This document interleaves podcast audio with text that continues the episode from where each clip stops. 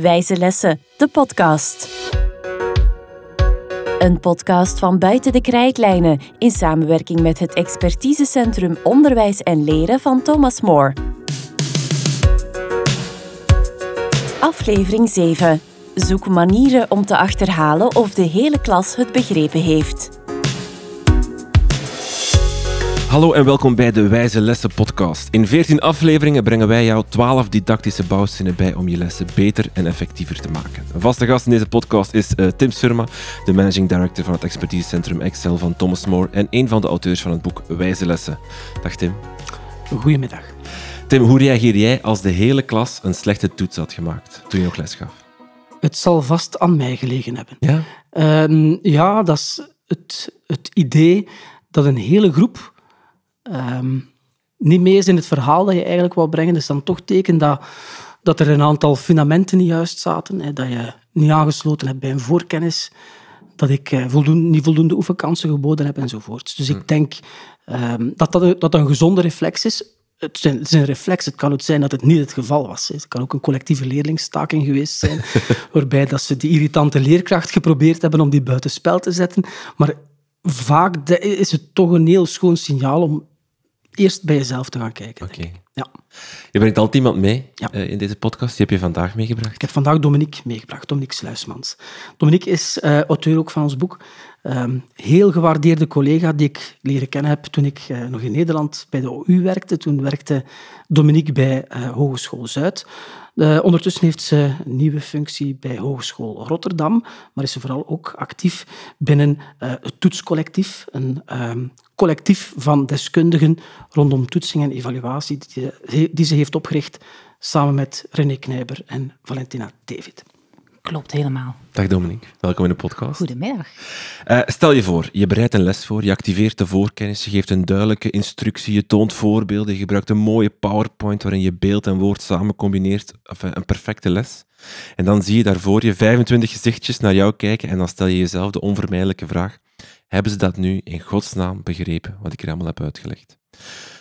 Tim, Dominique, waarom moet ik erachter komen of mijn klas het begrepen heeft? Nou ja, het is denk ik heel fijn om te weten of de investering die je hebt gedaan in je instructie en uh, je voorbereiding, of die ook uh, zijn vruchten afwerpt. Dus uh, je wil weten van, ja, gebeurt er nou bij die leerling ook wat ik hoop dat in die hoofd mm -hmm. moet gebeuren? En tegelijkertijd denk ik het heel belangrijk is om te weten van, ja, kan ik mijn les ook voortzetten zoals ik die had gepland? Ja. Dus dit is ook een hele goede manier om um, ja, eigenlijk in je, ja, in je instructieproces te weten van, ja, kan ik verder of moet ik misschien toch eerst iets anders gaan doen? Ja, de vraag die, nog, die minstens even belangrijk is, is wat zou er gebeuren mocht je dat niet doen? Mm -hmm. Als je dus niet uh, het begrip zou checken, dan heb je, zoals, je, zoals Dominique net zegt, niet het idee of er wel 60% van de leerlingen voldoende kapstokken eigenlijk opgebouwd hebben om het vervolg van dat onderwijsproces mm -hmm. ook mee te maken. Want eigenlijk is de les die je gegeven hebt, is de, ja, de, de voorkennis van de toekomst. Mm -hmm. hè? En als je weet dat dat, zoals we in de eerste aflevering besproken hebben, als je weet dat dat een heel belangrijke voorspeller is voor toekomstig leren, dan kan je dat eigenlijk gewoon niet in, in, in, in de kaart hebben. En ook ik denk dat een onderwijsmodel waarbij dat, dat niet gebeurt, dan zit, dan zit je eigenlijk, dan spreek je van een soort van ex-cathedra model of een soort van ja, gewoon doseermodel, ja. waarvan dat we toch ook weten dat dat niet het meest, uh, niet het meest optimale is. Ja, en daarbij ja. denk ik dat um, we stiekem altijd aannames hebben op wat, le wat leerlingen en studenten ja. begrijpen. En we checken eigenlijk die aannames vaak niet. Intuïtie die, die niet juist zit. Ja, of dat je denkt, juist omdat je het zelf zo goed begrijpt ja. als docent, dat het soms heel moeilijk is om weer te verplaatsen in die schoenen van die beginner. Van die leerling die dat voor het eerst keer heeft gehoord. Dus ik denk dat het heel belangrijk is om ook bewust te zijn dat achterhalen van begrip juist belangrijk is bij leerlingen die nog lang niet zo ver zijn als jij als docent. Mm -hmm. Of nog echt volop in die expertiseontwikkeling uh, zitten. We zoeken dus naar manieren om te achterhalen of de hele klas het begrepen heeft. Dat is de bouwsteen waar het hier over gaat. Ik denk dan gewoon aan één ding, toetsen. Gaat het daarover?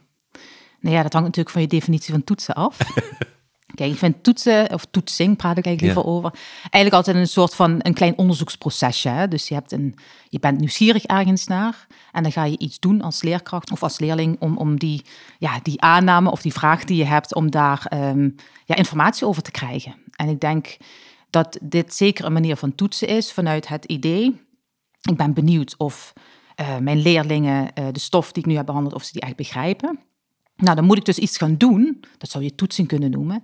Moet ik informatie gaan achterhalen die mij gaat helpen om daarop een antwoord te krijgen. Um, kijk, toetsen heeft wel heel snel bepaalde associaties, maar hm. toetsing in de zin als een proces van informatieverzameling, doelgericht, om ergens een antwoord op te krijgen, is natuurlijk een, een, een, een, prachtige manier die je heel goed ook in de didactiek kunt inzetten. Toetsing in Vlaamse en in Nederlandse context, dat heeft mm in perceptie soms andere weerklank. Mm. Hè, dus als... jullie praten over evaluatie dan? En ja, met, uh... ja, ja.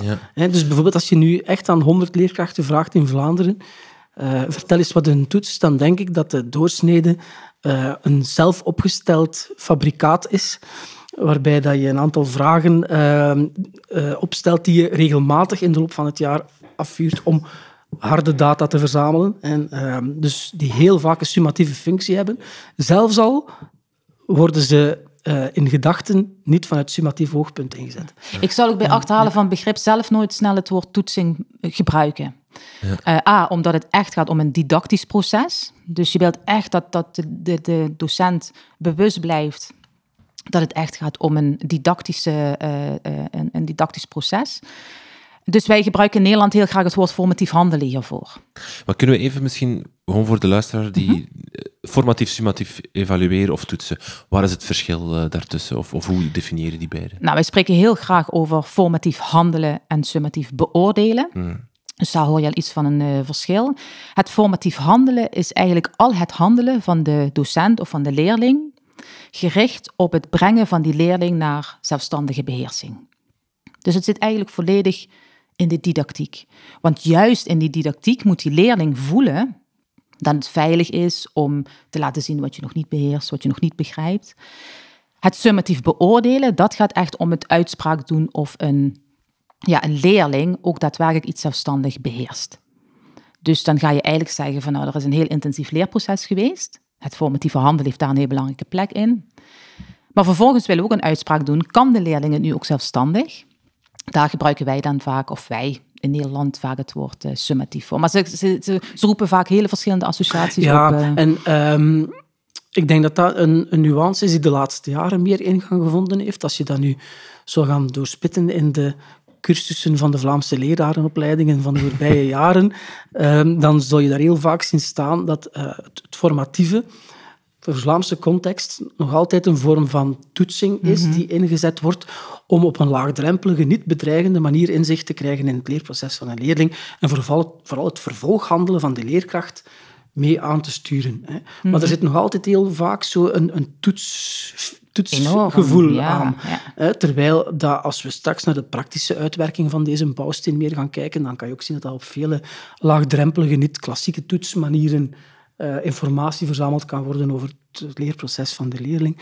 Terwijl, denk ik, het summatieve dat Dominique omschrijft wel grotendeels overeenkomt, om niet te zeggen helemaal overeenkomt met hoe dat het vroeger ook al leefde. Namelijk, je verzamelt eigenlijk informatie over het leerproces en dat gebruik je om te bepalen of iets beheerst is, maar ook om vervolgadviezen te geven. Exact. Ja, dus Je, je, zegt het nu heel mooi. Dus formatief en summatief zijn eigenlijk nooit eigenschappen van toetsen, maar mhm. eigenschappen van beslissingen die je neemt. Ja.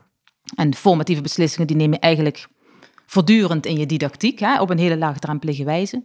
En summatieve beslissingen die neem je eigenlijk op het moment dat je wil zeggen van oké, laat het maar zien. Of, hè, of, ga het podium maar op, laat maar zien dat het nu lukt. Dus een, een, een toets, en dan bedoel ik mee een badje papier dat ik opgesteld heb met vijf vragen over het onderwerp, kan ik ofwel formatief of summatief inzetten.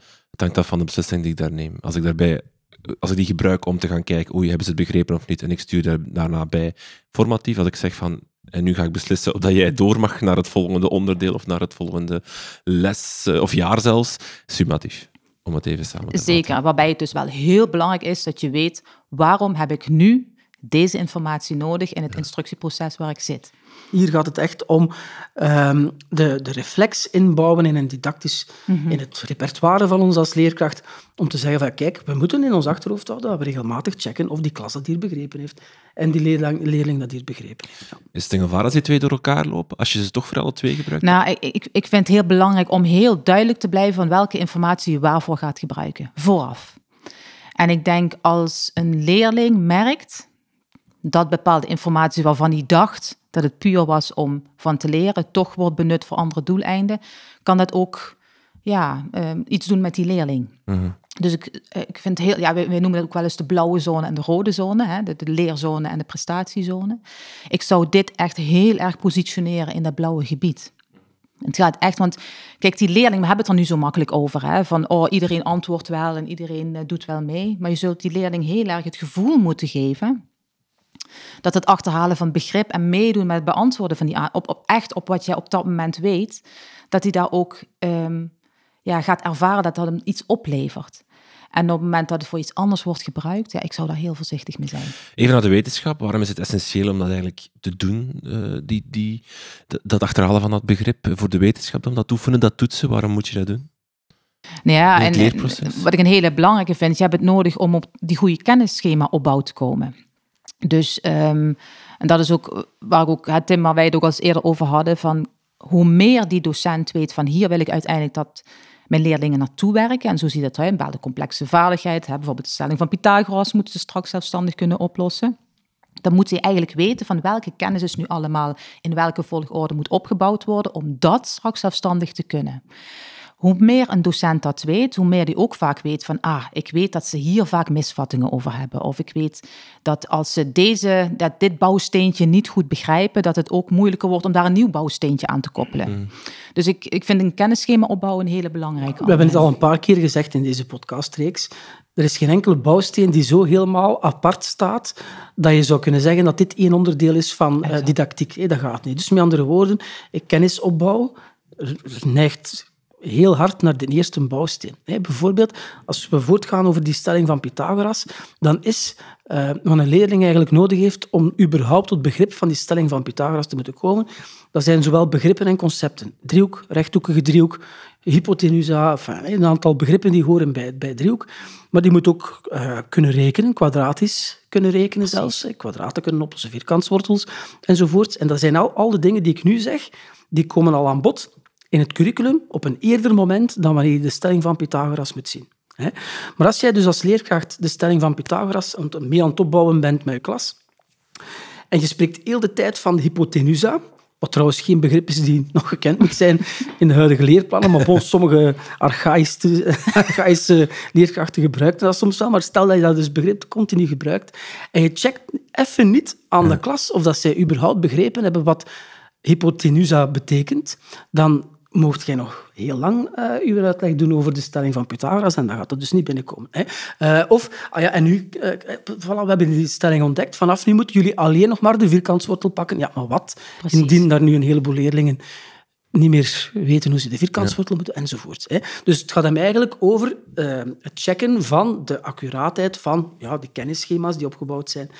Ehm, en dat kan je doen door kleinschalig, heel gericht, tussentijds, niet bedreigend, voor mijn part, hè, te checken, hebben ze dat begrepen? En eh, met het voorbeeld dat we hier nu geven, merk je dat dat iets anders kan zijn dan bij de start van een les over de stelling van Pythagoras iedereen een toets te geven met tien vragen. Kan ook, hè? Hè? Eh, maar het hoeft dat niet te zijn. En welke link is er met, met de vloek van de kennis die, die, die je als leerkracht kan hebben? Ja, die is, die is hier natuurlijk, denk van, de, van alle bouwstenen denk ik, het meest, eh, meest aanwezig. Ehm, en ik denk dat, dat wij dat zelf ook al ervaren. Hè? Dus als wij, of bij onze eigen kinderen, of als we lesgeven. ehm, tenminste, ik spreek even voor mezelf, dat ik toch wel snel geïrriteerd kan raken of geërgerd kan zijn over.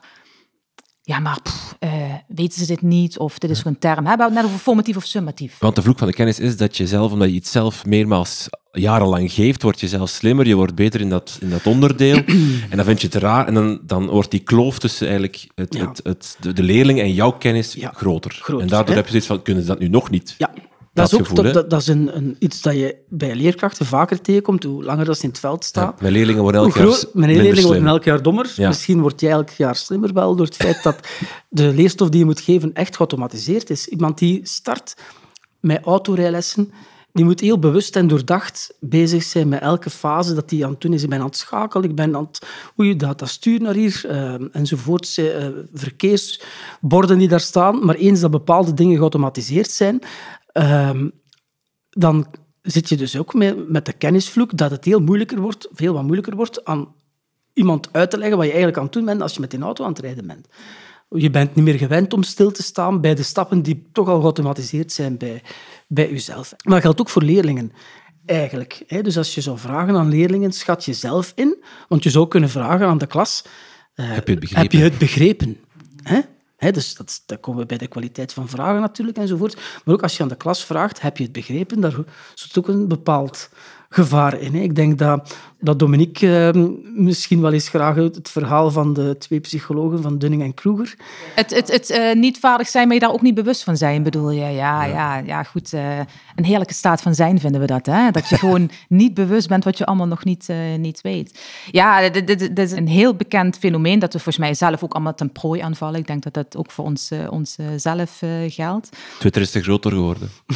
Ja, Nou ja, klopt. en ik zie het bij studenten vaak terug. Eh, bijvoorbeeld als je studenten vraagt zichzelf te beoordelen, omdat je nog niet weet waar je naar moet kijken, denk je van, oh, dit, eh, ja, nee, dit weet ik wel, dat lukt Ja. me wel. Dus je ziet juist bij, en dat is ook een beetje de paradoxale, dat juist de mensen die al veel competenter vaak zijn, zich vaak ook vaak onderschatten, omdat zij natuurlijk veel beter weten wat er allemaal... En dat is een beetje ook de vloek van expertiseontwikkeling. Ja. Hoe meer expert je wordt, hoe meer je ook een beetje onzeker wordt wat je allemaal nog niet weet. Dus daar zit, dit is een hele bijzondere manier van ja, eigenlijk hoe, ja, hoe leren werkt en hoe ontwikkelen eh, eh, werkt. Als ik, eh, als ik mag, wil ik daar misschien nog twee voorbeelden bij, bij toevoegen. Als het gaat over het, het achterhalen of de klas het begrepen heeft en je legt die verantwoordelijkheid bij de, uitsluitend bij de leerlingen, dan krijg je dus enerzijds het gevaar ehm, dat een, een grote groep zichzelf overschat. En dat zijn eigenlijk de, men, de, de leerlingen die het vaak het meeste nodig hebben. En anderzijds is er een, min, een kleinere groep die dat relatief goed inschat, of soms wel, wel onderschat. hè. Dus dat is, dat is iets dat, dat, dat geweten is. Ehm, niet enkel uit onderzoek voor Dunning en Kruger, maar ook bijvoorbeeld wat men in, in die onderzoeksveld ju- judgments of learning noemt. hè. Eh, beoordeel uw eigen leren van de toekomst. Je vraagt dan aan klas, eh, schrijf op eh, hoe goed je denkt dat je dit nog zult kennen binnen een maand. Op een score op 10. En je checkt dan doen- na, ook na een maand is wat er gebeurt en dan zie je exact hetzelfde fenomeen terug. Ehm, praktische gevolgen die volgens mij heel belangrijk zijn en voldoende moeten blijven belicht worden, dat is ehm, het feit dat bij sommige leerlingen eh, het pad dat ze op school afleggen mee bepaald wordt door de inschatting die ze zelf maken. Bijvoorbeeld in het lager onderwijs heb je eh, in Vlaanderen het drie-sporenbeleid dat heel vaak gebruikt wordt. Wat wil in concreto zeggen dat een leerling op een bepaald moment tijdens de les eh, een bepaald traject volgt op basis van zijn of haar kunnen. hè. Dus een soort een vorm van gedifferentieerd lesgeven. eh, die uiteraard zijn waarde heeft, maar waarbij dat je dus nu ook automatisch al inziet, als je dat helemaal in de handen legt van die negenjarige leerling, om te zien of dat jij wel in het sterretjespad, dan in het kabouterpad, of gelijk welke benaming Zonnetjes, dat aan maantjes is het bij ons, Ja, ja. bon, dus je, je kunt er van alles eh, Ja. voor verzinnen. Maar dat is weet. dus een gevaar. Hè. Dus onlangs in een school, eh, waarbij eh, de juf leert kloklezen en die stelt de vraag van, oké, kinderen, bij wie lukt kloklezen al heel goed? Heel veel van die leerlingen, oh, ja, bij mij. En bij wie, bij wie lukt dat nog niet zo goed? Oké. En dan, dan zit je dus met die subjectiviteit van de leerlingen, waarbij er dus ja, vaak verkeerde keuzes ge- gemaakt worden. Ook, hè. Een tweede voorbeeld dat dan meer naar het secundair onderwijs gericht is. Dat is ehm, eh, het aanbod van studiebegeleiding dat gegeven wordt op scholen. Ehm, dat wordt vaak ook in de handen van de Leerling leerling gelegd, gelegd. ja, ja. Bij mijn school vroeger was dat ook. Als er een examen wiskunde aankwam, was de gewoonte dat we zeiden, kijk, je mag vrijwillig op de middag eh, naar Mhm. de klasse komen, want de leerkrachten wiskunde zullen hier zitten om Mhm. jullie vragen op te lossen. En wie duikt op die momenten op? Ah ja, dat, eigenlijk de leerlingen die al exact weten wat ze nog niet goed kunnen. En dat zijn dus de leerlingen die vaak het voor 90% wel kunnen, want die weten exact welk stuk dat ze eigenlijk nog niet beheersen. Terwijl de, de, de, de groep die zelfs niet doorheeft dat er een probleem is, die duikt vaak niet Maar goed, op. dit komt dus allemaal weer terug op, de, Ja. Op, op, op, op het vraagstuk van... oké, we hebben een bepaalde aanname, maar wat hebben we nodig om daar ook iets over te weten te komen? En we verzamelen heel vaak informatie die we voor die doeleinden helemaal niet kunnen of mogen gebruiken. Dus bijvoorbeeld de informatie die de leerling zelf geeft. Of eh, de vraag, eh, snappen jullie het allemaal? Ja, oké, prima, ik kan door. Dus, Stel dat zoveel in de klas. Het is maar, bij, maar ik hoor, ik hoor Ik bij elke lezing en dan meteen excuses achter. Maar ja, ik weet ook niet... Dus, dus daar voel je ook zelf van. Het is niet fout, hè, Renke. Het is Nee, gewoon nee, het... En dat is Maar ook voor alle duidelijkheid... Of, of het is wel iets waard, maar je mag het niet op blind staren. Ik denk dat het meer waard is voor een activatie en voor een blijk van, van vertrouwen. En al, maar je moet gewoon als leerkracht beseffen dat, dat er soms iets, iets meer objectiefs nog nodig is om te bepalen of een klas het ook echt begrepen heeft. Ja, weet je, en ik, ik probeer me het ook voor te stellen. Als je een klas voor je hebt en je vraagt, snapt iedereen het? En jij denkt eigenlijk nog niet, maar je ziet om je heen iedereen knikken. Ik bedoel, dan ga je ook niet meer misschien als leerling zeggen van, eh, ik snap het eigenlijk. Dus er zit ook iets... Wat ik interessant ook vind aan deze bouwsteen is ook hoe hou je rekening ook met, het, met de groep en hoe leerlingen op elkaar kunnen gaan reageren. Maar daar komt misschien nog wel zo op eh, Wel, terug. eh, hoe, hoe kunnen we het dan wel doen? Hè? Hoe kunnen we wel achterhalen of iedereen het begrepen heeft? Ik, ik- eigenlijk hoor ik, vragen stellen is eigenlijk ook al een manier. Alleen moet je de juiste vragen stellen. Dus niet vragen, hebben jullie het begrepen? Want daar ben je niets mee. Welke vragen stel je dan wel best? Wat zijn goede vragen om te achterhalen of iemand het begrepen Nou ja, heeft? we, hebben- we hebben het eerder over dat onderscheid formatief-summatief eh, gehad. Ik denk zeker voor ehm, het, het, het, het proces gericht op didactische beslissingen. Dat het heel belangrijk is om een vraag te stellen waarmee je erachter komt of er nog een bepaalde misvatting is. Of dat er nog een bepaalde kennishiaat is. Dus je moet heel bewust zijn van welke vraag en welke vorm moet ik nu gaan gieten zodat ik ook echt kan achterhalen of die misvatting bijvoorbeeld nog bestaat. Dat doe je misschien op een echte toets doe je dat niet meer, want dan wil je weten of iemand het kan. Mhm. Maar een misvatting achterhalen, bijvoorbeeld over kwadrateren, Ja. Dan moet je dus als docent weten van nou, wat zijn nou de veelgemaakte fouten die een eh, leerling maakt als het gaat over eh, de, de vereiste voorkennis. En hoe kan ik bijvoorbeeld in een diagnostische vraag met vier antwoordalternatieven die misvattingen gaan verstoppen? Zodat ik eigenlijk meteen weet van mijn leerlingen, want dat is een belangrijke stelregel, je weet eigenlijk dat alle leerlingen tegelijkertijd een antwoord geven. Ja. Hoe kan ik dan ook daarmee mete- meteen iets te weten komen of het al dan niet nog aanwezig zijn van die, eh, van die misvatting? Dus daar ook proberen om niet stappen over te slaan. Niet direct vragen, los mij hier de stelling van Pythagoras op met deze driehoek, maar check eerst, oké, dat kwadrateren, lukt dat hier bij iedereen? Eh, kan iedereen...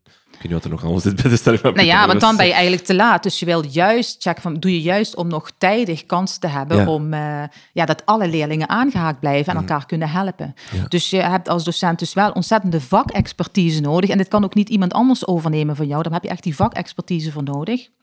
Vakdidactische expertise. Dat jij precies weet, Tim, jij weet precies bij wiskunde waar gingen mijn leerlingen vaak de mist in. Waar lagen de struikelblokken? Ehm, wat begrepen ze voortdurend verkeerd? Nou, die ga je benutten om juist het achterhalen van begrip eh, te, gaan, te gaan inzetten, deze bouwsteen. Jij gaf als voorbeeld een multiple choice vraag. Is er een voordeel, open vraag of een gesloten vraag? Maakt dat iets uit?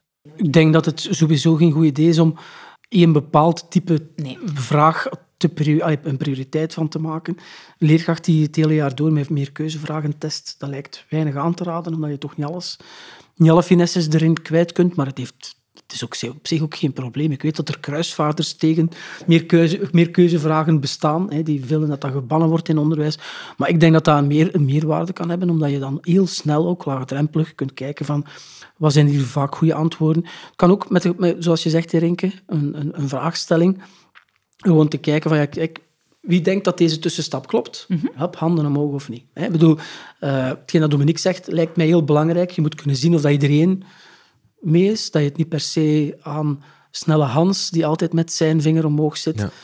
eh, geeft. Maar dat je dat, dat kijkt van, ja, iedereen is, eh, is bezig. En daarnaast bestaat er natuurlijk in, in de didactische trucendoos bestaan er heel veel manieren om ervoor te zorgen dat iedereen aan bod komt gaande van wat in, in het Verenigd Koninkrijk cold calling noemen. Hè, dat, je, dat je niet vraagt dat er vingers opgestoken worden, maar dat je echt zegt van kijk, ik ga een vraag over de leerstof stellen. Over, hè, kijken of iedereen begrepen en ik duid willekeurig iemand aan. Ehm, je hebt van die beurtenstokjes, je hebt tal van uh, elektro of ja, uh, digitale tools die dat ook toelaten. Um, dus er is niet één manier om dat te doen. Er zijn ook toetsen. Hè. Ik bedoel, je zou ook echt nog een klein toetsje kunnen geven bij start, bij aanvang, tussendoor. Mm -hmm. uh, je kan een oefening laten oplossen in het, in het boek die ervoor geschikt is, om te kijken of leerlingen het begrepen hebben enzovoort. Ja, wat ik wel mooi vind, is dat jij ook dan uh, vormen kiest, waarbij de leerlingen ook veel op elkaar gaan reageren of elkaar gaan helpen. En mm -hmm. dat vind ik ook bij deze bouwsteen, bij meerdere overigens, mm -hmm. ook een hele belangrijke. Hoe ga je ook leerlingen laten ervaren dat je ook in dat verstevigen van dat begrip, met allerlei vraagtechnieken bijvoorbeeld, leerlingen ook laat reageren op elkaar. Want het gaat natuurlijk niet alleen maar over hè, wie, wie denkt dat dit een goede uh, oplossing is handen omhoog ja, en dan ga je verder. Dan ga je verder, ja, natuurlijk. Dan ga je van, oké, okay, dan ga je eentje aanwijzen en dan ga je op elkaar laten reageren. En ik denk dat dat de kracht is ook van, van meerdere bouwstenen. Dat het ook gaat van hoe leren leerlingen ook verantwoordelijkheid te nemen voor elkaars leren. Het gaat niet alleen van, ga ik het begrijpen, maar gaan wij het met z'n allen begrijpen.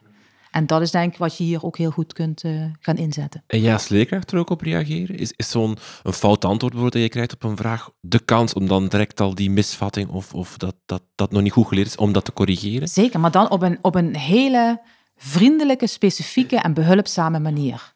Want hier speelt natuurlijk uh, overtuigingen van docenten overtuigingen, een hele grote rol. Ja.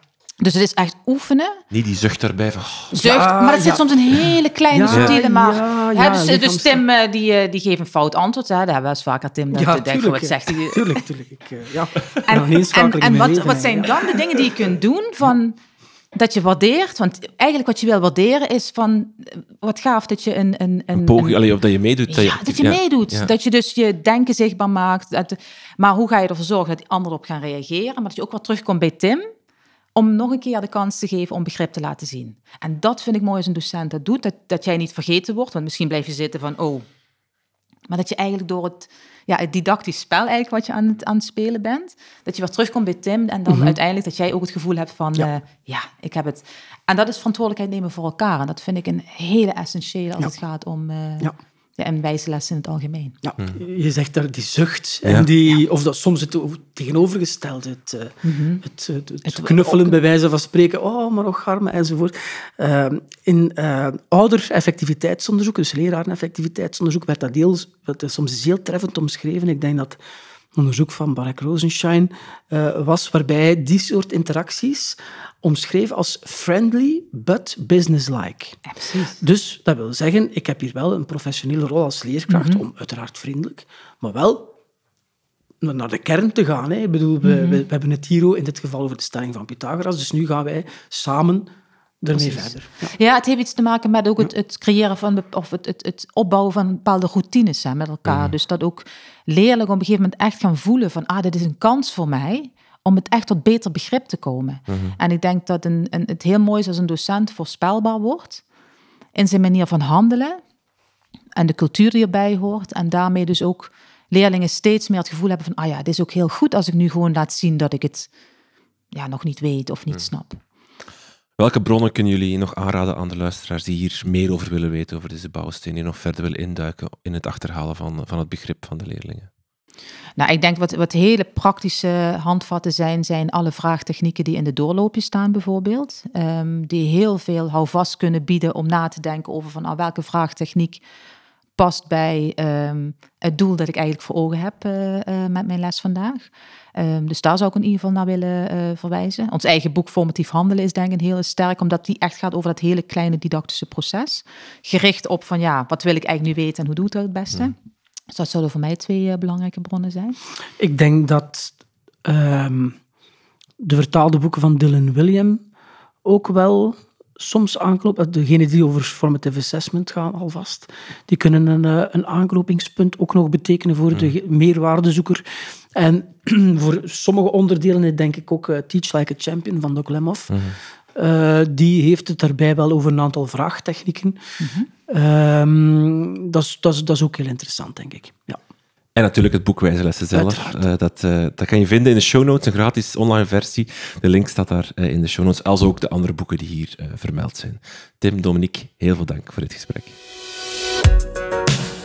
Wijze Lessen, een podcast van Buiten de Krijtlijnen in samenwerking met het expertisecentrum Onderwijs en Leren van Thomas More.